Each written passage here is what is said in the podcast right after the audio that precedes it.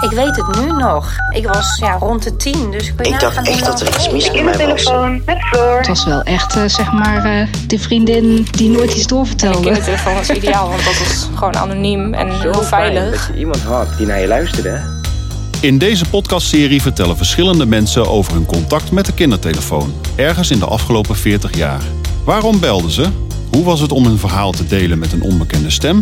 En wat was de impact van een luisterend oor, misschien wel voor de rest van hun leven?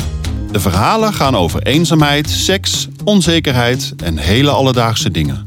Het vertellen gebeurt anoniem, omdat het niet gaat om de afzender, maar om het verhaal. Wat ik me kan herinneren, zat ik in groep 5, 6, zoiets. En ehm, we hadden van onze meester een eh, boekje gekregen over de kindertelefoon. En die mochten we mee naar huis nemen. Ik had dat boekje thuis en ik kan me dat gewoon nog herinneren. Wij waren net verhuisd en wij woonden naast het we- nieuwe werk van mijn ouders. En eh, ik was alleen thuis. Eh, mijn ouders waren op de zaak, zeg maar. En ehm, ik was ja, rond de tien, dus kun je nagaan hoe lang geleden.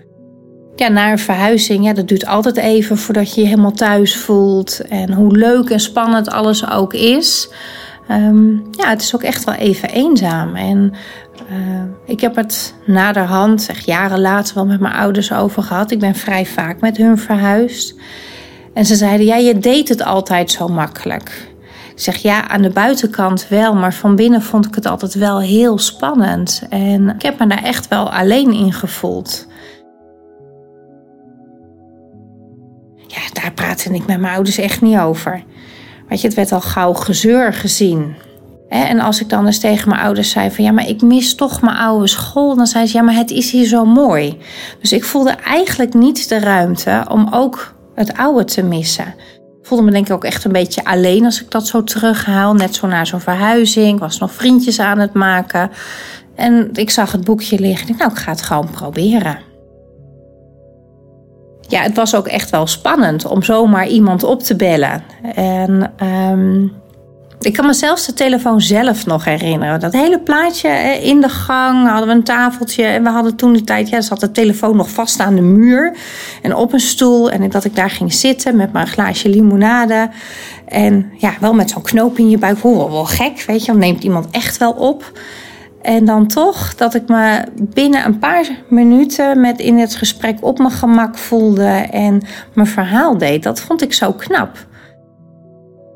Ik kan me nog zo herinneren, er was een, een nou, jonge man die ik aan de lijn had, die daar ook op even op doorvraagt. Wel van, goh, wat gezellig dat je belt en hoe is het met jou? En toen ontstond eigenlijk vanzelf het gesprek. Op dat moment ja, vond ik het toch heel erg fijn dat iemand naar me luisterde en ook begreep van hè, verhuizen eh, doet iets met een kind. Ik had al wel wat vriendinnetjes, maar nog niet de band eh, die je hebt als je al heel lang samen bent. Dus ik voelde nergens de ruimte om dat te kunnen delen. En deze man heeft daar echt naar geluisterd. Van ja, ik snap het ook dat je je oude vriendjes mist. En ja, ik, ik voelde me echt gehoord en gezien als kind. Naast het luisterend oor eh, heeft hij me ook echt tips gegeven. Ehm, hij gaf me een compliment van hoe stoer het was dat ik had gebeld. En eh, hij zei ook volgens mij ben je een heel stoer meisje.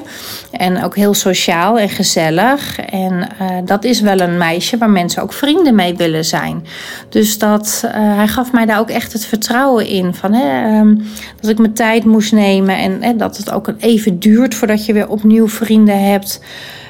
Dat ik daar geduld bij mocht hebben en eh, dat dat vanzelf wel goed zou komen. En dat is uiteindelijk ook gebeurd.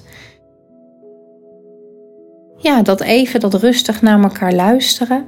Ja, dat was wel heel fijn. En hij had gewoon van, ja, als je wel wilt dat papa en mama je moet je daar gewoon om vragen. En dat heb ik daarna ook wel meer gedaan. Gewoon bij het eten er even over hebben hoe het was op school. En, eh, dus dat vond ik wel heel fijn. Hij gaf echt waardevolle tips van hoe je daarmee om kon gaan. En volgens mij was het gesprekje een half uurtje. Maar ik weet wel dat ik echt zo blij ophing. En, en ook met het gevoel, als ik nog ergens een keer mee zat, mocht ik altijd terugbellen. Uiteindelijk heb ik het nooit gedaan. Maar was wel een fijn gevoel dat dat kon. Dit was een van de verhalen uit een serie van zes. Met de kindertelefoon kun je al 40 jaar over alles praten. Wil je meer weten over 40 jaar kindertelefoon? Ga naar 40jaarkindertelefoon.nl